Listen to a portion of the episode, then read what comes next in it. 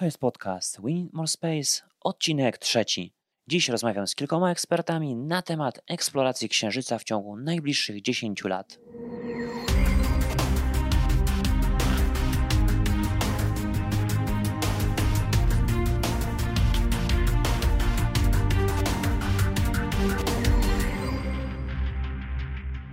Cześć, witaj w Need More Space podcast. Ja nazywam się Radek Grabarek i w tym programie rozmawiam z pasjonatami kosmosu, profesjonalnymi astronomami, inżynierami i naukowcami, którzy robią ciekawe rzeczy związane z kosmosem. Jeśli interesuje Cię astronomia, eksploracja wszechświata i loty w kosmos, ten podcast jest dla Ciebie.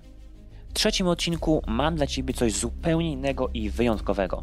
Tym razem to nie będzie wywiad, a nagranie z panelu dyskusyjnego o przyszłości eksploracji Księżyca zarejestrowane podczas konferencji Space Hub Space 2020, którą miałem przyjemność zorganizować i poprowadzić pod koniec stycznia 2020 roku w Warszawie. Do udziału w panelu zaprosiłem ekspertów z różnych dziedzin: inżyniera, przedsiębiorcę i prawnika. Wszyscy oni pracując w Polsce mają związki z Księżycem. NASA planuje wysłać ponownie astronautów na Księżyc już w 2024 roku. Rozmawiamy więc o tym, czy tym razem zostaniemy tam na stałe, czy górnictwo na Księżycu ma sens, także ekonomiczny, czy możemy to zrobić zgodnie z prawem, jaka będzie rola polskich firm i instytucji w eksploracji Księżyca. A na koniec rozważamy inne poważne pytanie: czy mamy etyczne prawo do wykorzystywania surowców innych ciał niebieskich, skoro nie umiemy wykorzystać surowców naszej planety? Hmm, przekonajmy się. Jeśli spodoba Ci się ten odcinek, zasubskrybuj podcast We Need More Space, oceń go w Apple Podcasts i powiedz o nim znajomym. Z góry ogromne dzięki. Cześć, to teraz witam Was e, na panelu e, dotyczącym e, przyszłości eksploracji Księżyca. I może po prostu szybko zaczniemy od krótkiego przedstawienia się panelistów. Dzień dobry, ja nazywam się Barbara Skarzińska. Na co dzień jestem adwokatem, pracuję w kancelarii Remaschis Dort i jestem także doktorem prawa kosmicznego. Napisałam pracę na temat górnictwa kosmicznego. Ja nazywam się Gordon Waślewski, jestem e, inżynierem e, zasobów kosmicznych i e, jestem doktorantem w CBK i inżynierem w firmie Astronika. Cześć, jestem Jędrzej, Jędrzej Kowalewski, jestem z firmy Scanway, którą założyłem, prowadzę i bardzo chętnie patrzymy na Księżyc jako kierunek w ogóle rozwoju produktów i, i biznesowym. Ale może powiedz, powiedz, co planujecie z tym Księżycem związanego? Tak, aż pojawił się taki koncept misji, e, którą można by zrealizować e, we współpracy z partnerami z Europy. E, konkretnie mamy partnera e, German Orbital Systems, z którym z którymi pracujemy nad misją satelity księżycowego, który miałby wykonać kilka demonstracji kilku technologii właśnie na orbicie okołoksiężycowej, ale nie będzie to jakiś wielki satelita, który mógłby tam zawieść człowieka, będzie to po prostu CubeSat. Okej, okay, super. To moje pytanie jest takie, czy my naprawdę w tych nadchodzących 10 latach wracamy na ten księżyc na stałe? To znaczy misja jest, znaczy wizja, jaką NASA wysnuła jest bardzo śmiała. zakłada kilka elementów, co najmniej dwa elementy, które jeszcze e, do tej pory NASA się nie podejmowała e, w całej swojej historii. Trochę jest tak, że przyzwyczailiśmy się do tego, że jak NASA coś powie, to już się zadzieje. No, okazuje się, że wcale tak nie jest. NASA jest organizacją, która się wycofywała rakiem z bardzo wielu rzeczy, e, łącznie z powrotem na Księżyc i to wiele, wiele razy. E, aktualny szef NASA powiedział jednak taką ciekawą rzecz, że tym razem może się udać, bo deadline jest bardzo krótki. Deadline jest naprawdę bardzo krótki, faktycznie zostało już kilka lat. Za 10 lat pewnie na YouTubie będą śmigać filmiki o tym, jak, jak to lądowaliśmy po raz kolejny na Księżycu, mam nadzieję. Natomiast e, on powiedział, że faktycznie e, tym razem może się udać, dlatego że misja jest obciążona o wiele mniejszym ryzykiem politycznym. No bo nie wiem, czy pamiętacie, było coś takiego jak program Constellation. I, i to był program, który no, został w zasadzie za jednego prezydenta Stanów Zjednoczonych przyjęty, potem się zmienił kongres, zmienił się prezydent i znowu e, został e, ten program całkowicie e, zlikwidowany. E, w jego miejsce pojawił się program e, właśnie aktualny Artemis, o wiele krótszym deadline'em, tak jak mówię, i e, myślę, że jest o wiele większa szansa, że tym razem się uda. Natomiast no, misja jest na tyle śmiała, że jest wiele elementów, które mogą się po drodze nie udać.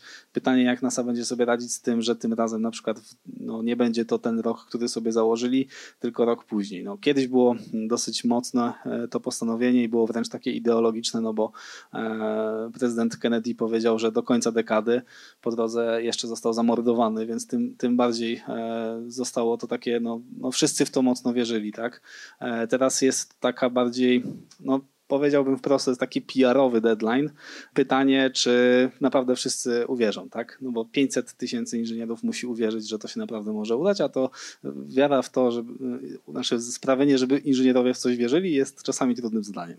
Chyba już nie 500 tysięcy inżynierów. 500 było latach 60., 70., teraz trochę chyba mniej, nie trzeba wszystkiego. No jasne, no jasne, mamy komputery.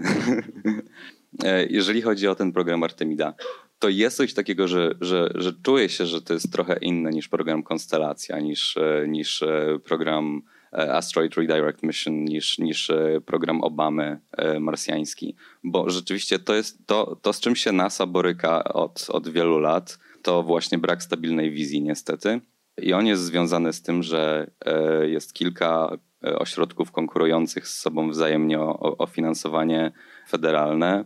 E, mamy przecież JSC, mamy, mamy NASA w Alabamie, w, w Houston, w, na Florydzie, w Kalifornii itd. Tak itd.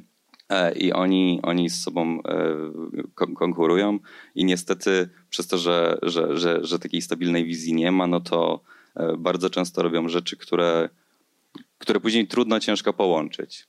E, natomiast teraz przy, przy administracji Brightsteina jest, jest jakby trochę inaczej i to też widać właśnie po tej liczbie misji, zarówno tych komercyjnych, jak i, jak i niekomercyjnych, że coś się dzieje i to jest coś takiego innego niż dotychczas. Właśnie dlatego, że po pierwsze dlatego, że, że e, to jest dobre dla administracji, po prostu PR-owo faktycznie, to jest dobre dla administracji Trumpa, żeby coś takiego się wydarzyło e, za jego e, drugiej kadencji, jak zostanie wybrany. A po drugie, dlatego, że czują tą stabilną wizję Chińczyków, która jest, jest, jest, jest no po prostu Chińczycy gonią nas w każdej, w każdej sytuacji i czuć ich oddech na, na karku. Chińczycy chcą założyć bazę księżycową e, jak najszybciej. I oczywiście te, te misje Chang'e są, e, są takim wstępem do tego, żeby, żeby to zrobić. E, misje załogowe są planowane dopiero na lata 30., ale to, czym Chińczycy górują nad Amerykanami, jest właśnie ta stabilna wizja. I być może dzięki programowi Artemida, dzięki takiemu przyspieszonemu, przyspieszonemu deadline'owi i być może dzięki zagwarantowaniu większych pieniędzy na to, chociaż NASA i tak czy siak ma duże pieniądze, porównując z, z latami Apollo, to tak naprawdę niewiele się zmieniło, jeżeli chodzi o to, ile pieniędzy dostają co roku. To, to, to, faktycznie e, ten wysiłek można, można skupić, zmobilizować na, na, na tym programie księżycowym. Dla mnie jako prawnika odpowiedź, czy wrócimy na Księżyc, to jest przede wszystkim pytanie, czy możemy to zrobić. E, I e, każdy prawnik odpowie Państwu, że to zależy. I to zależy od tego, jaki mamy cel i kto to będzie robił. Cel, jeżeli, jeżeli będzie to rzeczywiście cel, tak jak u Gordona na początku prezentacji, cele naukowe, to śmiało możemy Natomiast jeżeli już to będzie misja komercyjna, no to wówczas powstanie wiele, wiele pytań, na które niestety też nie ma odpowiedzi, y, które możemy jakoś tam mniej więcej możemy ustalić jakiś kierunek tych odpowiedzi, natomiast nie będzie to niestety odpowiedź jednoznaczna. Mówiliśmy tutaj, panowie przede mną mówili o misjach państwowych, więc to także, e, także mm, moja odpowiedź w tym aspekcie będzie taka, że jeżeli mówimy o misjach państwowych, no to tak, rzeczywiście e, możemy wrócić na, na, na Księżyc, natomiast przy misjach prywatnych, no to już tutaj będzie znacznie więcej e, pytań i dużo mniej odpowiedzi.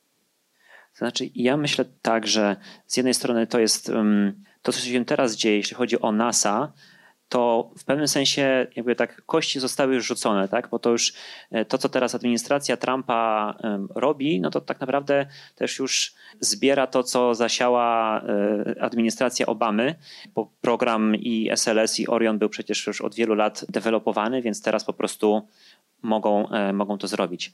Ale myślę, że też, że kluczem do naszej stałej obecności na Księżycu jest nie tylko NASA i nie tylko jakby obecność e, podmiotów e, państwowych, ale również prywatnych.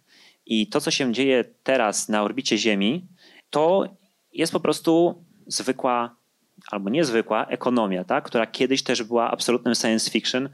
E, nawet jeden z pisarzy science fiction, Arthur C. Clarke, był jednym z pomysłodawców w ogóle satelitów geostacjonarnych, więc to absolutnie była science fiction, a teraz tym science fiction nie jest, bo po prostu nawet firma prywatna zamawia satelitę, firma prywatna wynosi tego satelitę na orbitę, e, dlatego że e, ma ku temu, mm, jest, czerpie z tego korzyść, czerpie z tego zyski. Więc teraz po tym długim moim wstępie, czy jesteśmy w stanie w ciągu tych następnych 10 lat zobaczyć taką może na razie raczkującą, ale właśnie ekonomię księżycową? ponieważ ja mam mikrofon, to chyba ja zacznę od, znowu od aspektów tych prawnych. Więc e, należy przede wszystkim pamiętać, że międzynarodowe prawo kosmiczne to jest prawo międzynarodowe publiczne, co oznacza, że to jest taka forma porozumienia pomiędzy państwami. E, coś jak, jak nasze prawo cywilne, to znaczy strony, państwa, organizacje i inne podmioty, e, którym prawo międzynarodowe przyznało jakąś osobowość, zawierają umowy. Umowy mogą mieć charakter wielostronny, dwustronny. W każdym bądź razie opiera się to na tym, że to państwa decydują, e, że będą coś robić w tym kosmosie, a, coś, a czegoś nie będą robić. I teraz powstaje pytanie, jak w tej płaszczyźnie mają się podmioty prywatne odnaleźć prawo, którym te podmioty podlegają, to jest najczęściej prawo krajowe, co oznacza, że jeżeli zostało zarejestrowane w danym państwie, to obowiązuje ich dane państw, y, prawo danego państwa. I teraz powstaje pytanie, że jeżeli budujemy tą ekonomię, to na, zasad, na jakich zasadach? Prawo, międzynarodowe prawo kosmiczne powstało w latach 60, pod koniec lat 60., 70., po dużym boomie 12 lat, kiedy zostało przyjęcie, przyjętych pięć głównych traktatów, pojawiła się luka i państwa przestały chcieć przyjmować kolejne traktaty międzynarodowe. I teraz pytanie, czy są w stanie przyjąć jakiś nowy traktat, który by regulował wykorzystanie przestrzeni kosmicznej, wykorzystanie Księżyca? Moim zdaniem nie, a to dlatego, że nie mają takiej woli. Wolą to zrobić poprzez prawo krajowe i w ramach takiej praktyki, poprzez przyjmowanie ustaw w prawie krajowym rodzi się praktyka międzynarodowa i w formie zwyczaju trafia do prawa międzynarodowego. I teraz mamy przedsiębiorstwa, które działają w prawie krajowym, muszą spełniać pewne wymagania i lecą do przestrzeni, która obejmuje prawo międzynarodowe. I znów się okazuje, że nie ma regulacji, które by w dostateczny sposób chroniły więc wydaje się, że w przeciągu 10 lat przede wszystkim byłoby trzeba stworzyć te regulacje, natomiast nie jest to możliwe, moim zdaniem, na arenie międzynarodowej, a jedynie praktyką państwową. Więc szybsze przyjmowanie regulacji krajowych z prawa kosmicznego byłyby, y, jakby umożliwiałyby ten, y, ten rozwój. Prawo na pewno stanowi jakąś niepewność inwestycyjną, ale myślę, że biorąc pod uwagę to, jak, jak w ogóle ten biznes już y, mówiąc ze swojej tutaj y, specjalności, ten biznes górnictwa kosmicznego, jak sam w sobie jest niepewny, no to, to ja myślę, że to, to, to, nie jest jakaś duża różnica. Na Księżyc lecimy po to, żeby ostatecznie zarabiać pieniądze, e, a nie po to, żeby sobie po prostu polecieć. W dużej mierze właśnie robienie tych pieniędzy jest oparte e, na gospodarce e, zasobami kosmicznymi, zasobami lodu wodnego, regolitu, energii przede wszystkim. I tak, zdecydowanie tutaj jest dużo niepewności i niestety te, te projekty górnictwa kosmicznego, czy zintegrowanego procesu górniczo-przetwórczego, który ostatecznie sprawia, że możemy produkować i sprzedawać na przykład paliwo rakietowe, są, są drogie i, i raczej żadne startupy czy, czy jakieś małe firmki się tym zajmować nie będą. Niestety to są inwestycje pokroju e, inwestowania w elektrownię jądrową, czy, czy, czy w most, czy w tunel. To są inwestycje w, w infrastrukturę krytyczną i też tak trzeba na nie patrzeć. To znaczy są drogie, stopa zwrotu jest, e, jest bardzo niewielka, jest wydłużona na okres kilkudziesięciu lat. E, natomiast e, inwestorzy decydują się w to inwestować, dlatego że nie dlatego, że, że, że, że te inwestycje się zwracają po jakimś tam czasie w końcu, ale dlatego, że indukują powstawanie nowych gałęzi przemysłu, nowych firm, nowych biznesów w danym miejscu. Tak jak tunel właśnie komunikuje jedną stronę miasta z drugą stroną miasta i dzięki temu biznes między mieszkańcami jednej, jednej i drugiej części e, tego miasta może się, może się rozwijać. Tak w przypadku Księżyca, jeżeli budujemy stację paliwową na Księżycu, to nie po to, żeby to paliwo sprzedawać, chociaż tutaj i, i tak czy siak, e, zgodnie z analizami Mines czy ULA, e, można zrobić już pieniądze na samej sprzedaży takiego paliwa rakietowego, oczywiście przy pewnych założeniach. Ale kluczem tutaj jest właśnie to, że taka inwestycja indukuje inne biznesy, które są jeszcze niewyobrażalne nawet, niespodziewane. To jest, to jest produkcja jakichś e, elementów, które można wyprodukować tylko i wyłącznie w warunkach mikrograwitacji, czy w warunkach bardzo wysokiej próżni, której nie trzeba e, budować tutaj, co jest e, energochłonne i, i, i technologicznie wymagające na Ziemi. Są, są zasoby na Księżycu, które są tylko tam, jak na przykład HEL-3, chociaż to jest oczywiście bardzo odległa odległa historia, ale e, jak zasoby tytanu, żelaza e, czy nawet złota. Ale to, co jest najistotniejsze w tej, e, w tej inwestycji infrastrukturalnej, to jest to, że Księżyc sprawia, że jesteśmy, że nasz potencjał eksploracyjny w kosmosie jest dużo większy, ponieważ tak dużo łatwiej jest się wydostać z Księżyca, tak ciężko jest się wydostać z Ziemi. I, i dzięki tej, tej zdolności jesteśmy w stanie sięgnąć dalej, wysłać cięższe misje, bardziej skomplikowane, bardziej wymagające w odleglejsze miejsca układu słonecznego.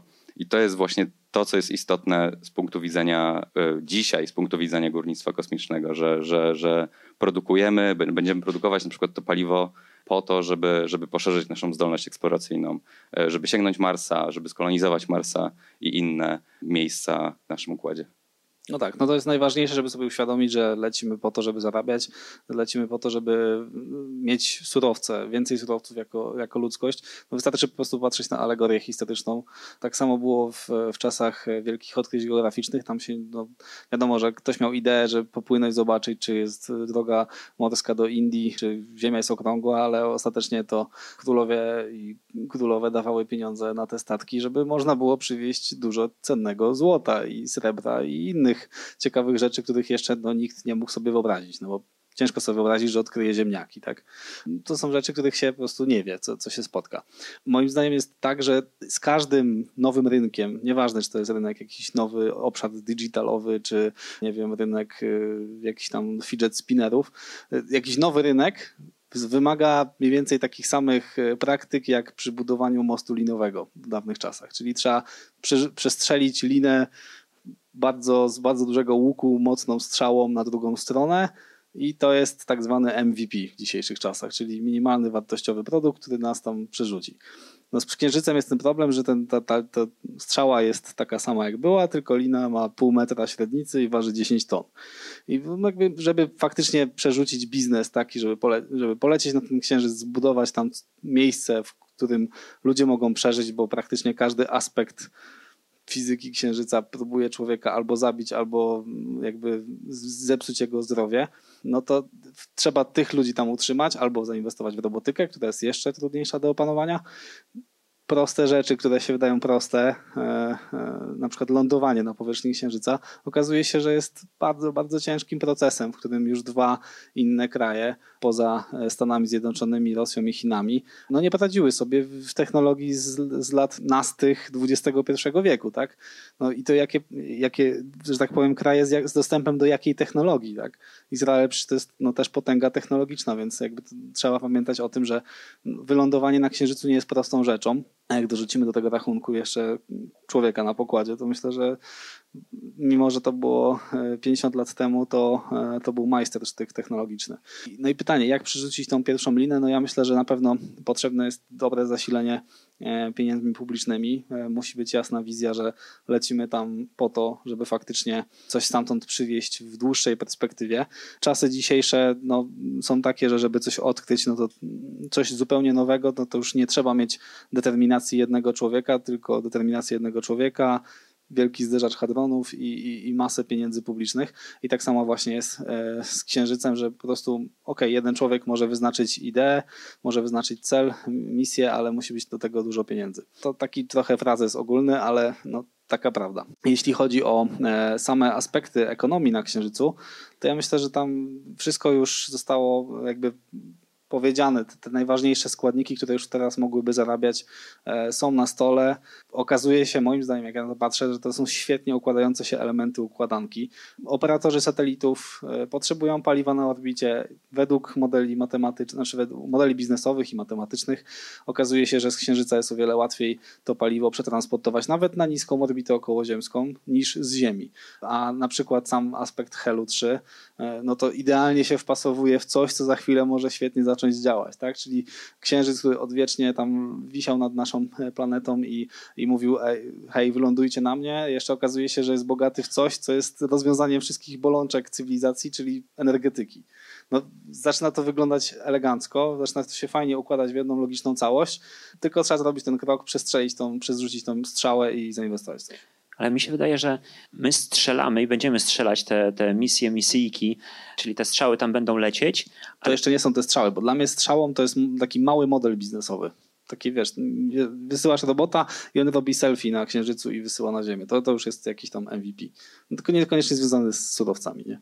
Mhm. No ale właśnie, czy w ciągu następnych 10 lat powstanie taki już nawet bardzo lichy, ale mostek ten linowy, że, że, że będzie ta ekonomia?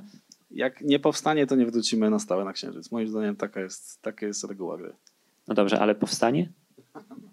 To ja powiem, no bo e, robimy tą koparkę księżycową w CBK i e, to jest element właśnie takiego demonstratora technologii, który, który zademonstruje to, czy faktycznie da się pozyskać tlen z suchego regolitu e, i później go przetworzyć e, w wodę. To jest coś innego niż zasoby lodu wodnego, ale, ale, ale to, jest, to jest właśnie to, czego, czego potrzebujemy, to właśnie to, o, o czym ty mówisz, czyli, czyli coś, co pokaże, że, że w ogóle da się to zrobić. I e, ta misja jest planowana na 2025 rok, ale to jest jeszcze, jeszcze z, pod znakiem zapytania. Dowiemy się teraz na przestrzeni najbliższych kilku miesięcy, czy na dalsze fazy rozwoju misji będą planowane, czy nie. Nie, nie tylko chodzi o to, nie, nie, tylko chodzi o, o nasz udział w tym, tylko czy w ogóle ta misja będzie kontynuowana. Jest też europejska misja Herakles.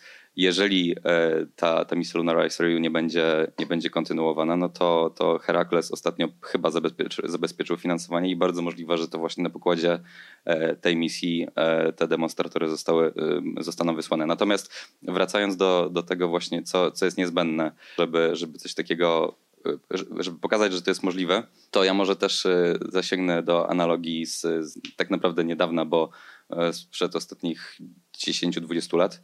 Jeszcze w latach 70. wiedzieliśmy, że istnieje coś takiego jak zasoby e, gazu i ropy łupkowej i, i trwały prace badawcze nad tym, jak to w ogóle wydobywać i, i, czy w ogóle się da, czy jest sens to robić. W końcu e, w latach 90., na początku e, lat 2000 przyszedł taki pan, który się nazywał George Mitchell, który miał małą firmkę jak na, e, jak na sektor naftowy, tam kilkudziesięciu milionów dolarów. W porównaniu z Exxonem czy, czy BP to to naprawdę niewielka firmka. I on powiedział, że on będzie szczelinował te łupki i że on będzie wydobywał ropę i gaz bo jest w tym biznes i po prostu był zdeterminowany, zdeterminowany. Miał tam trochę pieniędzy swoich, żeby, żeby, żeby móc e, być zdeterminowany, móc zaryzykować, ale mu się udało i dzięki temu, że jemu się udało, przeżyliśmy absolutną rewolucję w sektorze naftowym. Stany Zjednoczone są eksporterem netto e, wszelkich zasobów e, węglowodorów. I, i ropa jest tania. W ogóle ja, ja, ja byłem na studiach naftowych i, i między innymi przez to się przebranżowiłem na kosmos na szczęście. E, bo, bo kiedy je kończyłem, ropa kosztowała 30 dolarów za baryłkę, a kiedy ja zaczynałem 120. Ta rewolucja właśnie to spowodowała, właśnie dlatego, że ktoś był zdeterminowany i miał pieniądze, więc e, jeżeli chodzi o zasoby kosmiczne, na przykład górnictwo kosmiczne, potrzebujemy takiego, co jest, co jest pewnie rzadkie i mało spotykane, ale potrzebujemy takiego Ilona Maska i George'a Michela w jednym. Albo państwa, które zrobi dokładnie to samo za nich. Okej, okay, to jak myślicie, czy, czy tu w Polsce są właśnie firmy, organizacje, które będą miały swój udział w tej eksploracji e, Księżyca w ciągu następnych tych 10 lat? Czy ja mogę tylko zdanie odrębne? No bo muszę, muszę. Bo e, panowie tutaj mówili, że po pierwsze mm, pieniądze publiczne, no to bardzo, bardzo fajnie, ale chyba byłoby jeszcze fajniej, gdyby te pieniądze prywatne trochę szły, bo królowa to mm, miała te pieniądze i publiczne i mm, prywatne w jednej kieszeni. I teraz y, muszę państwu powiedzieć, bo pracuję na, na co dzień w dziale bankowości i finansów i żeby dostać jakieś pieniądze od banku, to trzeba mieć jakieś zabezpieczenie. I y, takie zabezpieczenie to najczęściej jakaś hipoteka, zastaw, no hipoteki na Księżycu nie zrobimy niestety, bo nie możemy mieć prawa własności do gruntu. No zastaw też byłby bardzo fajny, ale wtedy byłby pod prawem polskim, więc gdyby poleciał na ten kosmos, no to już trudno było, ciężko byłoby to wyegzekwować. I znowu się pojawiały pewne takie pytania, które tu mm, zostałam skrytykowana, że prawo takie nie jest y, konieczne, natomiast gdyby było to jednak te prawo i były te ustanowione zabezpieczenia na tych elementach, które byśmy wykorzystywali, na przykład na zastaw na prawo prawie własności intelektualnej, który byłby zabezpieczony na Księżycu, a nie, że coś wyślemy i ktoś tam podjedzie łazikiem i zrobi zdjęcia i wykorzysta, no to byłoby chyba już jakieś, jakiekolwiek zabezpieczenie. Poza tym, jeżeli, e, jeżeli mówimy o takich e, zabezpieczeniach, to trzeba wspomnieć, że, taka, że to nie jest taka idea fix, która nie miała miejsca, bo coś takiego już mm, powstało, tylko nie weszło w życie. Mianowicie jest e, taka konwencja kapsztacka, ona ustanawia zabezpieczenia na obiektach, które przekraczają granice, a więc na samolotach, na sprzęcie kolejowym i na statkach oraz teraz e, niedawno powstał protokół dotyczący um, obiektów kosmicznych. I niestety, tak jak Państwu mówiłam, że jest prawo publiczne pomiędzy państwami, ono było tworzone w w sektorze tym prywatnym, a więc bardzo dobrze pod kątem prywatnego zostało opracowane, natomiast nie zostało przyjęte, niby była grupa robocza powołana, natomiast no nie zostało chyba do, dostatecznie dobrze przedyskutowane na arenie międzynarodowej, w tym sektorze publicznym i tylko cztery państwa podpisały e, taką konwencję, więc jakieś próby są tworzone, natomiast one i tak nie, nie spotykają się z jakimś takim uznaniem, więc no nie byłabym taka kura optymistyczna co do tego, wysyłania, bo, bo najpierw chyba musimy się dogadać tutaj troszkę na ziemi. A wracając do pytania, to może oddam do głównego. Znaczy, ja może od razu się obronię, o co mi chodzi z tym prawem, bo ja nie wierzę w prawo w kosmosie, dlatego nie wierzę w prawo w kosmosie, dlatego że, że nie jesteśmy w stanie go egzekwować nawet u wybrzeżu Somalii, a co dopiero w kosmosie. Czyli jesteś zwolennikiem kosmicznego piractwa po prostu? Mm, bardziej umów dżentelmeńskich, albo po prostu po, pomiędzy nikim. No, nie, no, w sensie no, nie interesuje mnie to prawo jakoś za bardzo, no bo ciężko, jak, ciężko jak egzekwować i, i, i stąd, stąd właśnie takie takie, takie moje podejście. Ale jakie było pytanie? Pytanie, pytanie poprzednie było o to, jaka będzie rola Polski, e, Polaków, polskich instytucji, firm w ciągu 10 lat, e, jeśli chodzi o Księżyc. Jak dobrze pójdzie, to wyślemy tą koparkę, ale to też nie zależy od nas. Też nie mogę o niej mówić, ale, ale jest fajna i dobrze, działa naprawdę świetnie e, w sensie lepiej niż nam się wydawało. Ale, ale to, to, tak wiele nie zależy od nas, bo no nie mamy pieniędzy na to, żeby to zrobić samemu. Z takich, z takich bardziej dalekosiężnych rzeczy mamy to konsorcjum marsjańskie, które chce wysłać CubeSaty na Marsa, Sat Revolution. No y, być może, ale, ale, ale generalnie w Polsce nie ma, nie ma takich pieniędzy, żeby, żeby takie rzeczy poprowadzić i, i przeprowadzić. Tych, też technologii nie ma w Polsce, żeby, żeby to zrobić, więc, więc jest z tym problem. To, w czym, w czym zawsze jesteśmy dobrzy jako Polacy, to wciąż jest niestety tylko, ale z drugiej strony też aż. E, to są e, elementy, to jest chyba ten tier czwarty, czyli dostarczanie e, komponentów, być może podsystemów do misji międzynarodowych, które, które będą lecieć. Jędrzej, bo ty kombinujesz, żeby jednak coś tam... Ja kombinuję, wiesz, jak koń pod górę. Nie no, w, bo tak z koparką to jest w ogóle świetny temat. No, mam nadzieję tylko, że się nie skończy tak, że na stronie CBK będzie napis usługi mini koparką Księżyc. Ale w sumie docelowo, czemu nie?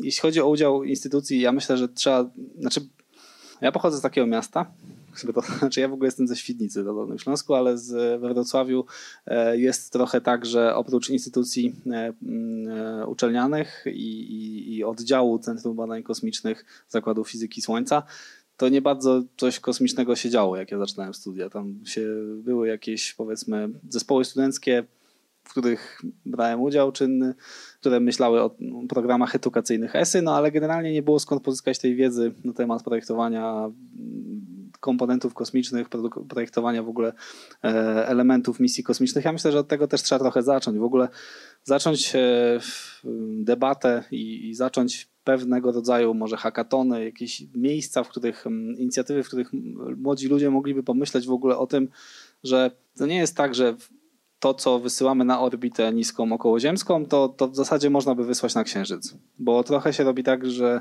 e, w tej chwili ta niska orbita okołoziemska robi się trochę odczarowana.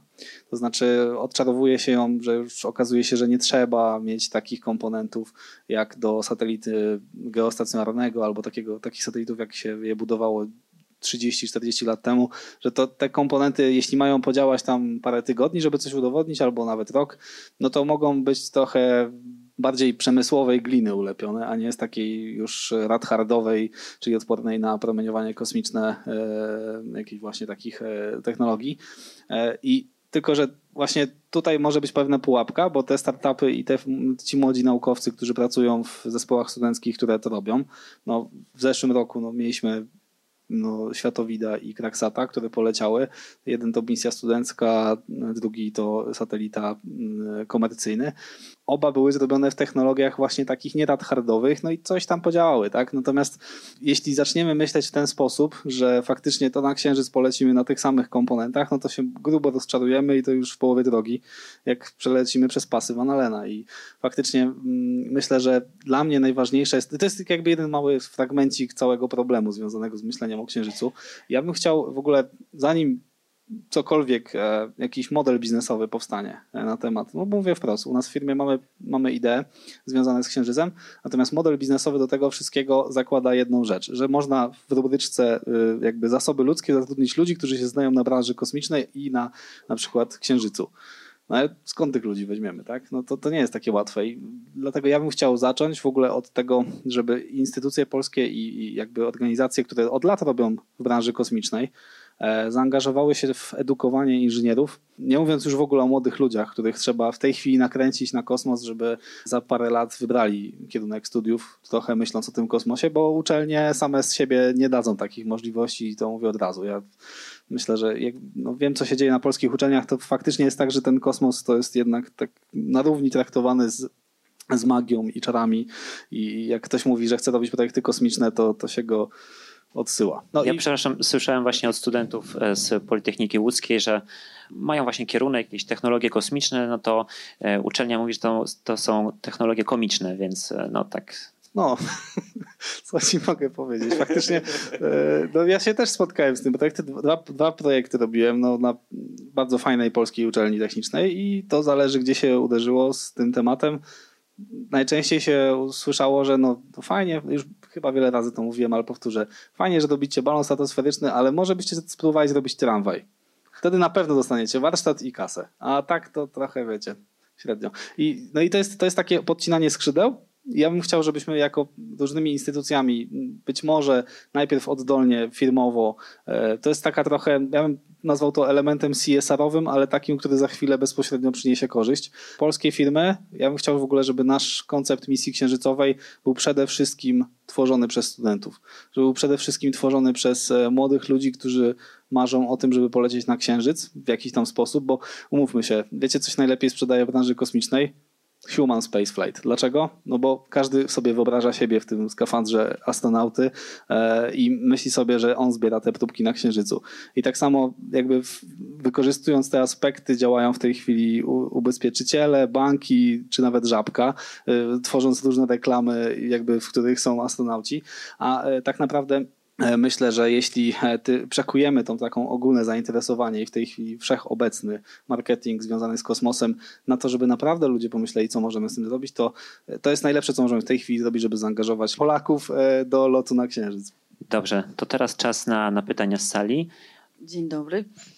Ja mam takie pytanie, czy sektor podboju, eksploracji, eksploatacji kosmosu, ten państwowy, a teraz już e, od, dłuższego czasu ten prywatny, czyli najbardziej, że tak powiem, e, zachłanny i pazerny może nawet. E, czy w ogóle ten sektor dyskutuje, czy podejmuje w ogóle jakiekolwiek rozmowy um, w kontekście tego, co się dzieje, jeżeli chodzi o zmiany klimatyczne na naszej planecie. To jak człowiek właśnie degraduje, eksplorując, eksploatując e, pazernie e, tą planetę.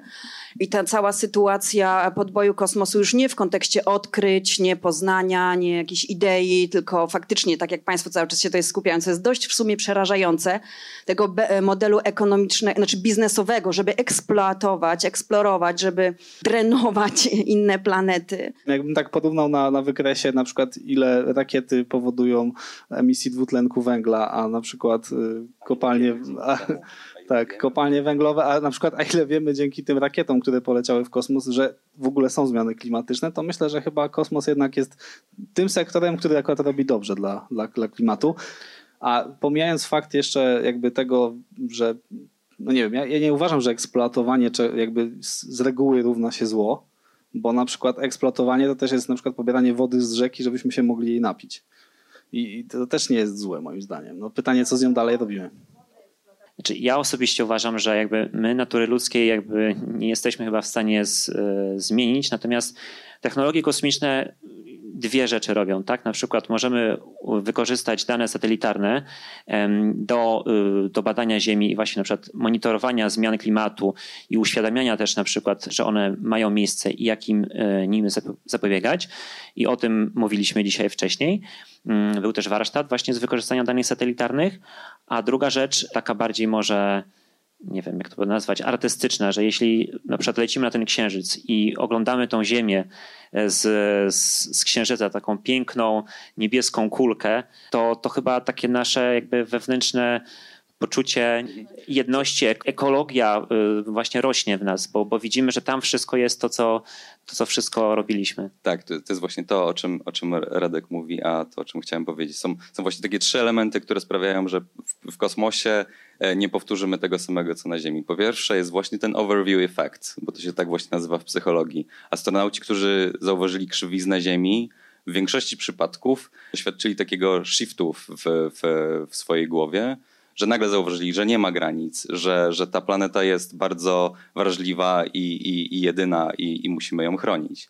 I, I e, astronauci przez to właśnie angażują się w różnego rodzaju organizacje charytatywne, fundacje i tak dalej, które właśnie budują tą świadomość na ten temat i, i, i walczą ze zmianami klimatu i tak dalej, i tak dalej. Jest pierwszy element, overview effect. Drugi element to jest to, że e, w kosmosie rządzą naukowcy i inżynierowie i my lubimy też naszą planetę. Nie twierdzimy, że białe jest czarne, a czarne jest białe. Tak? My twierdzimy, że jak, jak jest jakiś fakt naukowy, taki jak zmiany klimatu, to, to, to, jest, to, to jest fakt i, i, i się do tego przywiązujemy. A trzeci element to jest to, że w kosmosie każda jednostka energii, każda jednostka mocy, każda jednostka masy i objętości jest na wagę złota. Więc nie możemy sobie pozwolić na to, żeby, żeby to y, bez sensu marnować. Dlatego recykling, dlatego zrównoważony rozwój, czy, czy generalnie jakby jakieś takie bardzo ekologiczne podejście do tego, co robimy w kosmosie, jest pewnym rodzaju wymaganiem tego, co robimy w kosmosie, bo, bo dzięki temu obniżamy ryzyka misji, dzięki temu sprawiamy, że te nasze systemy działają dłużej, dzięki temu y, to wszystko nie kosztuje aż tak dużo. Ten rachunek ekonomiczny nie tylko w kosmosie, wszędzie, jeżeli oczywiście bierzemy pod uwagę, że, że robią to rozsądni ludzie, jest po stronie ekologii. I, y, I tak też trzeba o tym myśleć w kosmosie. Dobrze, mamy czas na jeszcze jedno ostatnie pytanie. Mamy czas na jedno pytanie? Szkoda, ale dobrze. Dobrze, to ja może w takim razie bardzo szybko y, chciałbym y, odnieść się do tego, co zostało powiedziane, czyli trochę skomentować jakby to, to długie pytanie wcześniejsze. Y, mianowicie y, krótko, gdyby udało się przenieść cały przemysł ciężki, patrząc w długiej perspektywie na Księżyc, to byłoby to pod każdym względem pozytywne dla jakby ekologii Ziemi. To jest jakby po pierwsze. Już nie, nie, chcę tego rozwijać, ale to jest po prostu fakt. A po drugie, przemysł kosmiczny pod kątem emisyjnym ma totalnie marginalny wpływ na y, ludzkie emisje. On jest tak marginalny, że ja wątpię, czy to jest jeden promil jakby całości emisji. Więc jakby ten, ten temat jest zupełnie jakby nieproblematyczny, y, który został poruszony. Tak chcę tylko uspokoić, jakby komuś rzeczywiście jakby to zaczęło teraz jakby zawadzać, że faktycznie może to nie jest ekologiczne, więc wręcz przeciwnie jest. Y, natomiast jeżeli mam wybrać, bo miałem do, do panelu kilka pytań, ale jak mam wybrać jedno, to na pierwszym slajdzie prezentacji E, była mowa o pozyskiwaniu paliwa poprzez e, eksploatację między innymi złóż lodu, prawda, i pozyskiwanie jakby pierwiastków. I tam pół żartem było powiedziane coś takiego, że okej, okay, że może jakby dotankować, zjeść hot doga, prawda? I tutaj jakby jak chcę to doprecyzować, bo jeżeli moja intuicja mnie tutaj nie zawodzi, to od strony bilansu energetycznego lecenie na księżyc, żeby tam dotankować po to, żeby polecieć gdzieś dalej, nie ma sensu. Już mówię dlaczego. Po pierwsze, jak wiemy, samo wyniesienie y, ładunku na orbitę to jest 90% ponad paliwa rakiety. I głównie dlatego, że chodzi o uwolnienie się z ziemskiej studni grawitacyjnej. Czyli na przykład lecąc na Marsa, w momencie, kiedy ja już jestem na trajektorii marsjańskiej, uwalniam się z ziemskiej studni grawitacyjnej, to teraz wykorzystywanie tak zwanego delta V, żeby wyhamować na Księżyc, jak już uzyskałem prędkość, jakby dohamować, żeby wylądować na Księżycu, wylądować na nim i następnie się stamtąd poderwać i lecieć na Marsa, wydaje się nieefektywne energetycznie. I dlatego moje pytanie jest takie, czy my już zakładamy tak daleką przyszłość, że syntezujemy paliwo na Księżycu i na Księżycu jest kosmodrom, który następnie y, na przykład zasila orbitę okołoziemską w satelity, które są przepraszam, produkowane na Księżycu, tu już tak daleko jesteśmy, no bo jakby dotankowanie na Księżycu, to tak średnio to widzę, szczerze mówiąc. Jakby dlatego właśnie SpaceX tankuje w planach misji marsjańskiej na orbicie. To ma sens, tak, że jakby tankują na orbicie, żeby polecieć na Marsa, żeby nie marnować paliwa na hamowanie jakby do Księżyca.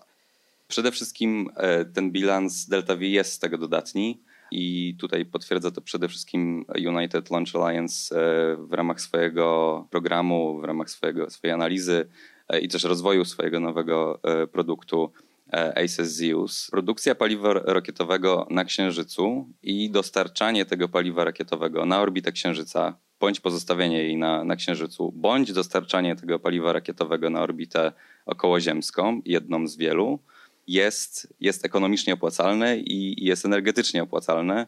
A to dlatego, że na Ziemi mamy problem właśnie z równaniem rakietowym. W sensie, niezależnie od tego, jak rakieta jest super ciężka, ile ma stopni ta rakieta, ona natrafia w końcu na taką magiczną barierę, której przekroczyć nie może i to jest, to jest ostateczna granica, jakie delta, delta V można nadać, na, nadać z Ziemi. I to nam e, ogranicza payloady, które możemy wysyłać. E, one muszą być lżejsze. E, no i ostatecznie ten, ten cel nam ogranicza. Tak więc dotankowywanie na orbicie okołoziemskiej, na przykład jako serwisowanie obecnych satelitów bądź serwisowanie misji kosmicznych, tak, opiera się na bardziej złożonym systemie transportowym, który właśnie bierze pod uwagę to, że między Księżycem a Ziemią mamy taką ciężarówkę, która transportuje raz w, raz w tę, raz w tę stronę jakiś payload. Z jednej strony paliwo na Ziemię, z drugiej strony jakiś payload na Księżyc. E, I dzięki temu jesteśmy w stanie dotankowywać te, te statki kosmiczne. I właśnie dzięki temu jesteśmy w stanie wysłać mniejszą rakietą jakiś payload na orbitę okołoziemską i tam go przechwycić albo po prostu dotankować, albo większy payload taką rakietą, która po prostu się wyczerpie w drodze na samą orbitę. Ma absolutnie sens fizyczny, dlatego że rakieta, która leci z Ziemi, 90% jej masy to jest e, paliwo, a rakieta, która startuje z Księżyca, 50% i mniej jej masy to jest paliwo. I tutaj już mamy nie musimy jej wyprodukować, musimy, wystarczy, że ją wyślemy e, na Księżyc i, i, e, i będziemy ją wielokrotnie używać. Nie musimy jej wybudować. Dobrze, dziękuję, dziękuję bardzo naszym e, panelistom. Dziękuję. To by było na tyle dzisiaj. Linki do rzeczy, o których mówiliśmy, znajdziesz w artykule na stronie internetowej winitmore.space ukośnik podcast. Jeśli spodobał Ci się ten odcinek i chcesz usłyszeć więcej, to zasubskrybuj podcast Win More Space, aby nie przegapić następnych epizodów.